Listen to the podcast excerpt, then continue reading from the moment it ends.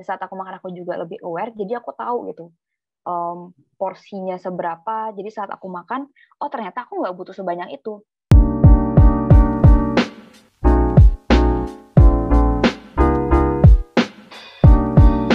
Halo Spacer sekalian, aku Debbie dan di kesempatan kali ini aku nggak sendirian karena aku bersama Kak Jacqueline Wijaya yang merupakan CEO dari Food Sustainasia dan kita berdua akan ngebahas tentang apa itu mindful eating dan fakta uh, dan mitos mengenai mindful eating sendiri. Halo Kak Jacqueline, gimana nih Kak kabarnya? Hai Debbie, thank you so much ya udah diajak nih ya di podcastnya Growth Space. Uh, baik banget nih kabarnya, gimana kabarnya Debbie? Oh baik juga kak, aku yang thank you banget malah udah bersedia gitu. Oke, okay. nah sebelum kita mulai nih ya kak, um, boleh nih kak Jacqueline menyapa um, para growth spacer yang lagi nonton gitu, dan juga um, bisa memperkenalkan diri nih kak. Oke, okay. sebutannya growth spacer ya? Yes, benar. Halo, hai growth spacer. Oke, okay. uh, kenalin nama gue Jacqueline, uh, selaku CEO dari Food Indonesia. Tadi di-mention juga sama Debbie ya gitu. Mungkin perkenalan singkatnya um, saat ini gue uh, lagi ngembangin gitu ya suatu uh, social enterprise di mana fokusnya itu untuk mengedukasi anak muda tentang uh, pangan berkelanjutan. Ya khususnya gimana sih kontribusi kita sebagai consumer gitu ya untuk membuat planet jadi lebih baik lah lewat makanan yang kita konsumsi dan juga behavior kita sehari-hari. Kayak gitu. Mungkin singkatnya gitu dulu ya Debbie Oke, mantap, mantap. Nah, oke, kita mulai aja nih ya, Kak. Aku pertama-tama pengen tanya nih ke Kak Jacqueline, sebenarnya apa sih mindful eating itu? Karena uh, menurut aku ya, Kak, uh, mindful eating itu suatu istilah yang uh, lumayan asing gitu loh, dan yang baru-baru ini aku ketahui gitu. Jadi apa sih, Kak, mindful eating? Oke, kalau kita ngebahas tentang mindful eating, mungkin dari uh, katanya dulu ya, ada kan ada mindful, hmm. ada eating gitu ya. Jadi gimana saat kita makan, kita bisa jadi lebih mindful gitu dan ini mungkin uh, something yang relate juga ke kita mungkin yang masih muda-muda nih, yang lagi sibuk-sibuknya, di mana kalau kita makan itu lebih ke ya udah itu untuk memenuhi kebutuhan sehari-hari aja gitu. Hmm. Jadi bisa kita lakuin sambil ngelakuin uh, sambil uh, nyambi lah nyambi ngelakuin yang lain gitu. Misalnya kayak gue makan sambil nonton, gue makan um, sambil kerja gitu ya. Jadi kalau kita ngebahas mindful eating, gimana kita saat makan itu fully fokus sama apa yang kita makan kayak gitu. Nah, mungkin oh. aku sama manajer ini juga ya dulu sempat ada sesi sama Growth Space kalau nggak salah ya di yeah. clubhouse tadi mana gitu ya ngebahas tentang ini gitu. Di mana kalau misalnya definition asli kan lebih ke sana. Tapi kalau dari aku sendiri melihat mindful eating itu gimana kita melihat uh, makanan itu dari sebelum saat dan sudah makan. Kayak gitu. Kita bisa fully aware dan sadar atas apa yang kita makan. Kayak gitu. Oke oke. Jadi kita fokus uh, dalam kegiatan makannya itu sendiri begitu juga begitu ya kak. Okay. Nah bedanya mindful eating sama makan biasa nih apa sih kak? Oke okay, sebenarnya hmm, makan biasa itu mungkin lebih tepatnya gini kali ya, ada ada istilahnya itu mindful sama mindless. Jadi lebih ke soalnya kalau kita makan biasa itu lebih ke um, lebih ke tergantung orangnya gitu kan masing-masing gitu. Gimana kita punya kebiasaan makan. Tapi kalau kita ngebahas mindful itu kita lebih diingatkan lagi untuk lebih sadar aja kayak gitu. Jadi bukan sekedar ya udah kita uh, makan uh, melakukan rutinitas gitu ya ngambil makan dan seterusnya. Tapi kita nggak benar-benar aware terhadap apa yang kita makan dan saat kita makan kita juga nggak sadar gitu oh porsinya segini kita makan yang cukup tuh segini gitu. Biasanya kalau kita makan kita nggak terlalu aware kan. Yang penting aduh gue lagi pengen apa nih sekarang? Gitu. Gue lagi pengen makan ketoprak gitu. Ya udah gue pesan makan terus gue makan sambil ngobrol dan lala gitu kan. Jadi hmm. itu kita lakuin tanpa sadar itu biasanya. Ya udah kita mau kita makan. Tapi kalau kita ngebahas mindful eating kita benar-benar aware nih gitu. Jadi pertama kita mau makan apa nih? Oke, kita pikir dulu, kita sadar. Um, gue sekarang misalnya lagi butuh makanan yang sehat-sehat. Misalnya gue lagi pengen banyak sayur. Oke, karena gue pengen banyak sayur, gue pilih makan misalnya gado-gado yang banyak sayurnya. Oke, saat gue pesen gado-gado, gue tahu porsi yang gue butuhin berapa gitu. Ternyata gue cukupnya satu bungkus aja atau mungkin setengah aja. Nah, berarti gue pilih makan sesuai yang gue butuhin. Porsinya, komposisinya, dan saat gue makan, gue fully aware, oke, okay, gue makan setengah porsi berarti kalau gue cukup setengah porsi kalau setengah porsi lagi bisa gue share ke yang lain ya gitu nah dan saat kita makan pun kita sadar terhadap kita apa yang kita makan gitu jadi kita nggak sambil melakukan hal lain karena ini penting banget mungkin di belakang benar-benar fully aware terhadap apa yang kita makan. Oke, oke. Nah, jadi um, Kak Jacqueline tadi bilang kita harus fully aware, sadar gitu loh dengan um, fokus dengan kegiatan makan kita. Nah, apa sih Kak yang kita rasain bedanya um, waktu kita makan biasa sama yang kita uh, makan dengan mindful gitu? Apa sih yang kita rasain secara um, pikiran mungkin batin? Oh, secara pikiran ya. um, mungkin aku share dari um, apa ya dari point of view-ku sebagai mungkin yang melakukan gitu ya. Kadang pun aku masih ada momen-momen di mana aku nggak sepenuhnya sadar. Kalau memang lagi buru-buru mau ngelakuin sesuatu, akhirnya ya udah apa adanya dia gue makan. Gitu. Tapi bedanya saat gue uh, coba untuk bisa lebih aware terhadap apa yang dimakan. Jadi contoh gini, paling gampang kalau gue makan di, um, misalnya gue ke bioskop deh makan popcorn, gitu kan. Makan hmm. popcorn di bioskop itu kan um, gue sebenarnya fokus ke ke uh, nontonnya dibandingkan ke makan popcornnya. Akhirnya saat saat gue fokus ke nontonnya, gue makan apa pun dari depan mata tanpa tahu itu apa, porsinya seberapa. Akhirnya satu box besar popcorn itu habis kan. Gitu. Sebenarnya bukan ya bener kan ya.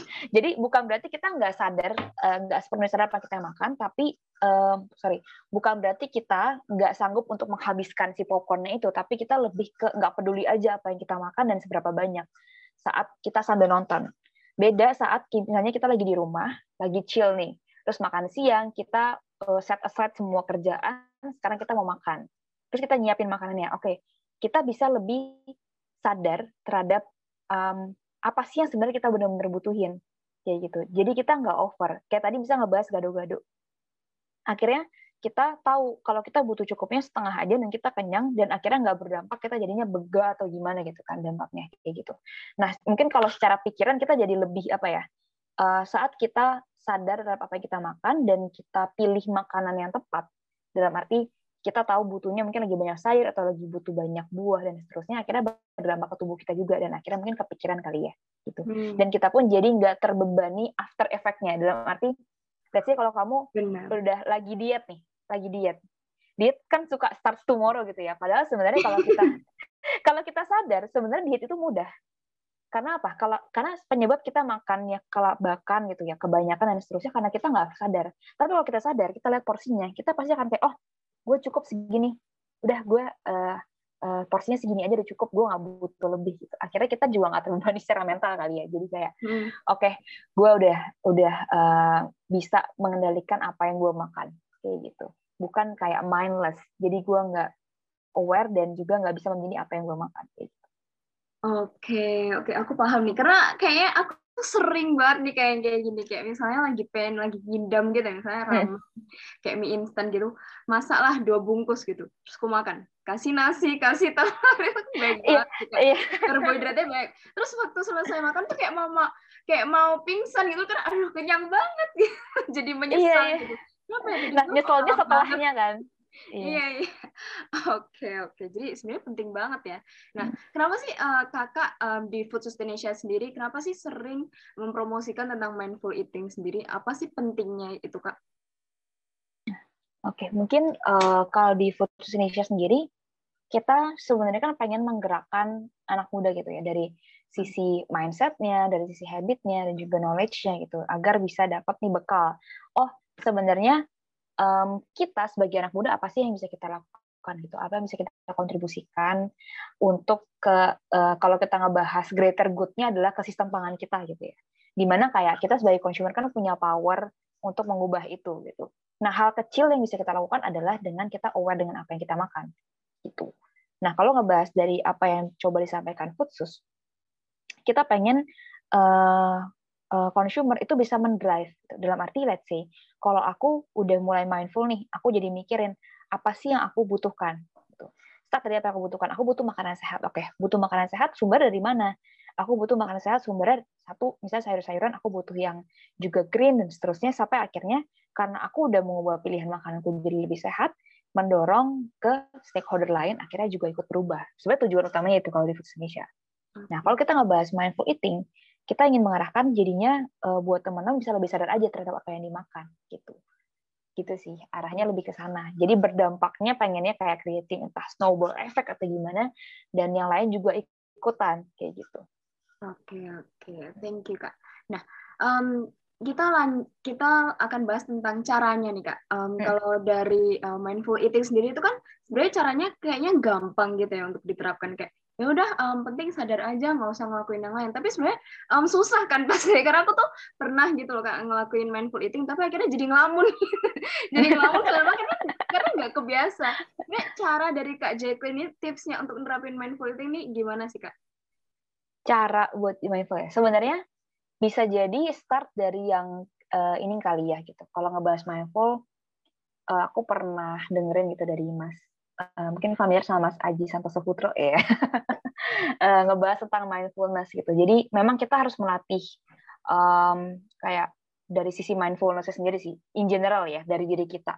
Jadi belajar untuk bisa lebih mindful uh, dalam kegiatan sehari-hari. Jadi nggak hanya makan aja kayak gitu. Dan itu akan ngebawa kita untuk bisa lebih sadar terhadap apa pun yang kita lakukan.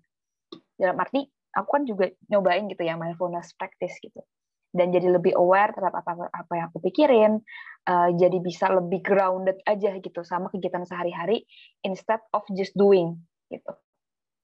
Dalam arti dengan kita being mindful um, itu akan ngebantu kita untuk sadar terhadap semua hal. Kita melakukan apa pun misalnya let's say energi kita energi kita mau difokusin ke mana sih? Apakah mau ke kerjaan mau ke makanan atau kayak ke, ke mana? Itu kita juga bisa lebih sadar aja. Nah akhirnya dengan melatih ini kita pun bisa lebih mudah untuk melatih uh, kesadaran saat kita makan. Kayak gitu. Karena kita udah terbiasa sehari-hari juga lebih sadar terhadap apa yang kita lakukan. Gitu. Jadi let's say kita udah tahu misalnya di jam-jam um, jam-jam kerja kita jam berapa nih? Jam kerja kita jam 10 sampai jam 12 nah setelah itu kita fokus ke makan. Ya udah kita spare waktu untuk makan. Nah kalau aku biasanya udah spare waktu nih uh, makan siangku jam 12 sampai jam 1 ya udah di saat itu aku udah fokusin untuk kayak um, apa aja misalnya kalau aku mau masak ya udah aku siapin aja bahan masaknya apa aku udah planning apa yang mau aku makan jadinya saat aku makan juga aku udah tahu gitu ya ini porsi aku mau dan makanan aku kayak gini atau kalau aku misalnya udah tahu jam 12 adalah jam aku makan siang, terus aku pengen beli makanan, aku udah planning gitu. Hari ini aku mau makannya yang sehat-sehat, ya aku udah planning itu aja aku makan, dan saat aku makan aku udah tahu porsinya seberapa. Jadi kayak udah udah coba di planning dulu kayak gitu. Bahkan kalau kita ngebahas yang kayak apa yang coba di educate lewat Indonesia ya, lewat eating juga movement, um, itu kita plan ahead gitu. Sadarnya nggak hanya saat itu aja, tapi kita plan ahead dari sebelum-sebelumnya. Let's say kayak seminggu ini aku mau fokusnya apa? Oke, aku mau fokusnya setiap makan siang aku bisa pastiin makan siangku sehat. Jadi aku udah plan ahead apa yang mau aku makan dan saat udah makan siang aku udah kayak sadar gitu. Oke, ini saatnya aku makan yang mindful kayak gitu. Gitu. Jadi ada dua sisi sih. Yang pertama dari basicnya belajar mindfulness dulu. Yang kedua kita plan ahead terhadap apa yang kita mau makan biar kita juga sadar oke saat momen itu kita harus makannya seperti ini gitu. Oke, nah berarti kita harus membiasakan diri juga ya kak um, jadi hmm. mindful di, di dalam kegiatan hmm. kita. Nah tadi kan kakak bilang kita harus plan ahead, berarti uh, mindful eating ini juga berarti kita harus mikirin ya kak apa yang sebenarnya perlu kita makan dan apa yang sebenarnya um, kita makan gitu. Betul, betul. Oke. Jadi sebenarnya harus dipertimbangkan ya kak. Betul. Jadi sebenarnya sadar itu bukan hanya kayak kita makan kita sadar porsinya, tapi kita sadar sadar dari dari apa ya kita udah tahu gitu ya sebelumnya eh, apa yang kita butuhin gitu. Jadi saat kita makan kita bukan lagi baru kayak bisa juga sih kita pilih saat itu tapi kalau bisa lebih early samalah kalau kita sadar terhadap apa yang kita mau kerjain. Let's say uh, di minggu ini aku ada misalnya aku jam kerjaku fleksibel terus aku mau plotting waktuku buat apa buat apa di hari apa aku harus mengerjakan apa nah kan aku sadar terhadap hal itu kan hmm. jadi saat aku udah mencapai momen itu aku tahu aku harus makan aku harus ngelakuin apa nah sama halnya dengan makan kayak gitu oke okay, oke okay. nah Nah, dari Kak sendiri, apakah emang sering gitu Kak di kehidupannya emang sering uh, menerapkan mindful eating ini sendiri atau masih you know masih oh, bolong-bolong. dari aku sendiri uh ya uh, bisa dibilang masih bolong-bolong ya karena okay. um, aku belum fully bener-bener saat eh tapi sebenarnya gini sih aku tuh bukan yang nggak sepenuhnya sadar. Jadi kalau kita ngebahas mindful eating sebenarnya um, setelah aku coba pelajarin lagi memang itu tuh spesifik ke arah apa yang kita uh, lakukan saat kita makan gitu. Tapi sebenarnya kalau kita ngebahas secara holistik gitu aku melihatnya hmm, mungkin aku udah udah di titik yang um, automatically mikir hmm. kalau mau makan tuh kayak uh, apa yang aku butuhin. Itu aku udah sebenarnya. Karena aku udah set sekarang kan aku udah nggak makan lagi daging merah um, sama sekali gitu ya. Jadi kayak entah itu sapi gitu kambing dan sejenisnya aku udah nggak makan. Jadi aku udah wired saat aku mau makan aku pasti akan pilih yang lebih banyak opsi sayurnya atau mungkin yang lebih sehat gitu. Nah jadinya aku udah membiasakan hal itu. Nah, ini mungkin agak susah ya. Saat aku udah membiasakan, aku jadinya kalau kebiasaan itu baik, sebenarnya jadinya kalau kita nggak sadar pun kita udah kebiasa ya sama hal itu. tapi tapi kalau kita ngebahas mindful eating, seharusnya kan saat aku makan aku juga sadar. Jadi bukan sekedar apa yang aku pilih, tapi aku sadar saat aku makan. Nah, mungkin itu yang aku belum. Jadi kadang ada momen di mana kalau aku lagi sibuk banget, terus aku kayak udah lapar terus aku kayak nggak bisa ngeluangin waktu khusus untuk makan atau kayak nyiapin makanan itu jadinya mungkin aku nggak fully mind, uh, mindful saat makan. Nah itu mungkin yang jadi struggle juga ya nggak cuma buat aku tapi buat teman-teman yang mau coba mindful eating yaitu benar-benar meluangkan waktu dan sadar saat kita makan gitu. Apalagi kalau kita makannya bareng orang lain. Kita tend to ngobrol gitu kan. Nah itu yang susah. Jadi uh, menghilangkan distraksi-distraksi saat kita mau makan. Itu sih yang masih struggling juga di aku itu challenge-nya ya kak. Challenge-nya gitu. Benar-benar kayaknya kalau misalnya aku nih um, pengen nerap, nerapin mindful eating tapi kayak mikir aduh lagi pengen nonton ini apa sekalian juga ya hemat waktu gitu.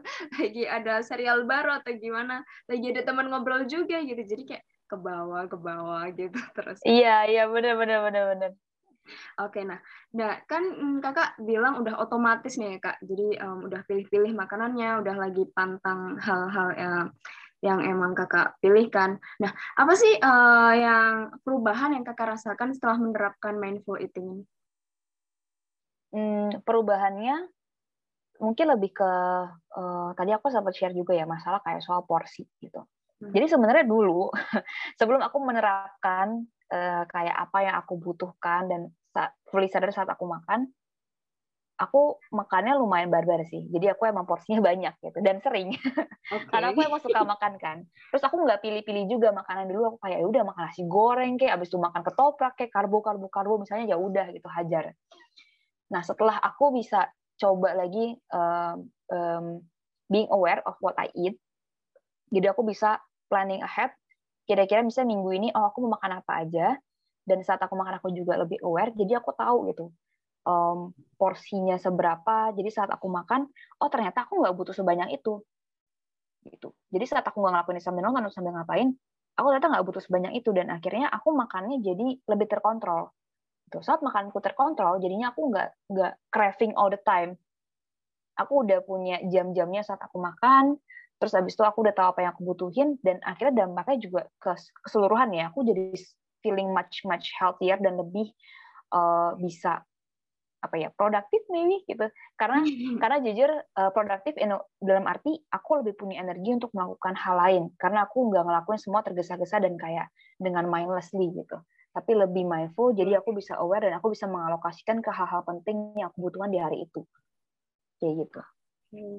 Oke, aku jadi uh, mikir nih kak, kayaknya bisa dikaitkan dengan pengembangan diri nih kak. Kayak when you um, kita juga take control uh, tentang apa yang kita makan, kita juga lebih kayak ngelatih diri kita kayak ngelatihan self self control dan juga ngelatih kayak hal-hal kecil lain yang emang betul. mungkin kayaknya sepele tapi sebenarnya itu matter banget gitu.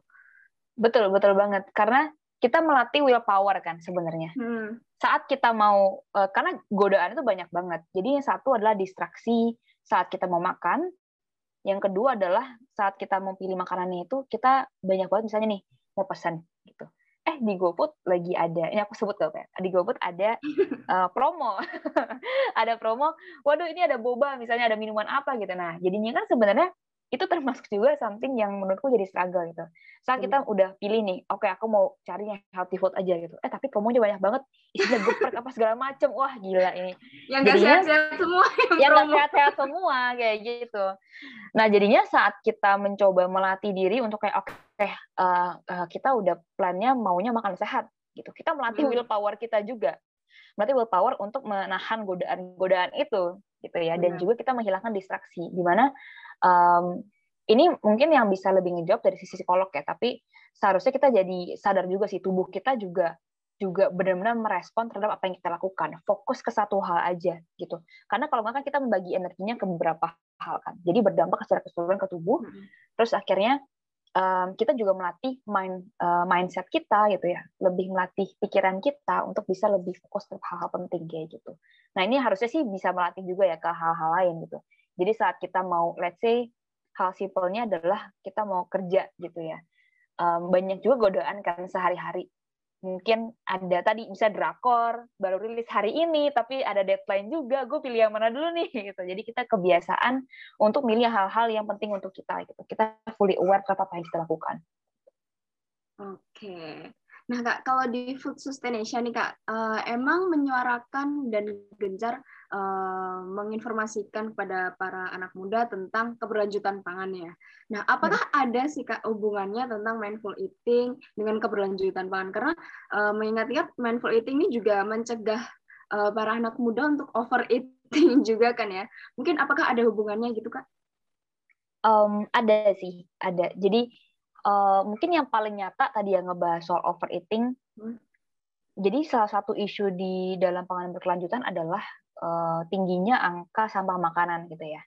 Jadi kan ada tiga nih yang dibahas pilarnya. Yang pertama dari sisi agrikultur, yang kedua dari sisi nutrisi, dan yang ketiga dari sisi uh, sampah makanan gitu ya, food loss and food waste. Nah, kalau kita ngebahas tingginya tingginya sampah makanan ini, salah satunya disebabkan karena kita juga makanan berlebih yang akhirnya tidak termakan, gitu. Benar. Dan itu juga penyebabnya kalau dari sisi konsumen adalah karena kita nggak bisa menyesuaikan porsi yang kita butuhkan sampai akhirnya terbuang gitu. Food Jadi food waste gitu. Iya. Nah, jadinya dengan kita melatih mindful eating, kita tahu porsi yang kita butuhkan, ya kita pasti habiskan harusnya gitu. Atau hmm. kalau kita tahu kita nggak habis, kita bisa sharing, kita mencegah makanan itu terbuang. Kayak gitu. Itu mungkin membantu dari sisi itu ya kali ya. Benar, gitu. benar. Nah, terus kalau kita fully aware terhadap kita apa yang kita butuhkan, let's say kita butuh makanan sehat. Nah, membantu juga ke yang pilar keduanya, yaitu kebutuhan nutrisi kita terpenuhi kayak gitu jadinya sebenarnya kita uh, berdampak secara langsung sih kalau kita melatih mindful eating. Oke, okay. setuju setuju karena emang um, isu buang-buang makanan atau wasting food ini sebenarnya merupakan isu yang lumayan gede, cuman kita nggak jarang gitu nggak addressnya gitu ya kak. Betul betul karena mungkin nggak berdampak langsung kali ya nggak kelihatan. Saat bener, kita bener. ngebuang kan apa sih paling cuma ngebuang satu sendok nasi berapa banyak sih paling gitu kita kan nggak lihat langsung. Tapi kalau kita lihat langsung di TPA di landfill dampaknya itu sampai menimbun terus dia menyebabkan gas uh, karena menimbun terus dia menghasilkan gas metana dan akhirnya berdampak ke lapisan ozon menyebabkan uh, global warming dan seterusnya itu kan something kita nggak lihat benar-benar gitu. jadinya kita juga nggak aware dengan hal itu Iya, benar-benar. Satu, satu sendok nasi dikali berapa banyak orang yang Iya, bayangin 200 uh, eh, juta gitu ya penduduk kita dikaliin satu sendok nasi. Nah, ada berapa banyak itu. Hmm. Nah, dan itu semua tertumpuk begitu aja. Kita kan nggak sadar melakukan itu. Oke, menarik, menarik nih. Eh, by the way Kak, buat teman-teman Growth Space yang mungkin penasaran tentang uh, kontennya Food Indonesia, boleh lihat di mana nih Kak? Oke, okay. Ini buat teman-teman yang penasaran ya, tadi kita ngebahas mindful eating, ngebahas isu-isu pangan juga ya, food waste dan lain-lainnya bisa lihat di Instagram kita uh, eating.movement. Eat-nya itu eating-nya eat dan think, think-nya think berpikir. dot movement atau di YouTube channel kita eating bisa langsung aja di subscribe jadi biar tahu nih video-video gitu ya isinya apa aja sih mungkin bisa lihat di description box di bawah mungkin nanti kita uh, cantumin juga kali ya Oke, okay, thank you banget, Baby. Boleh, boleh. Oke, okay. oke. Okay. Udah 30 menit ini nih uh, segmen pertama kita. Thank you banget ya, Kak Jacqueline. Kita akan lanjut nih ke segmen kedua. Jadi buat teman-teman yang pengen tahu tentang uh, mitos dan fakta mengenai mindful eating, bisa klik aja di segmen kedua kita, mitos fakta mindful eating. Oke, okay, thank you mitos atau fakta mindful eating ini bisa menurunkan berat badan?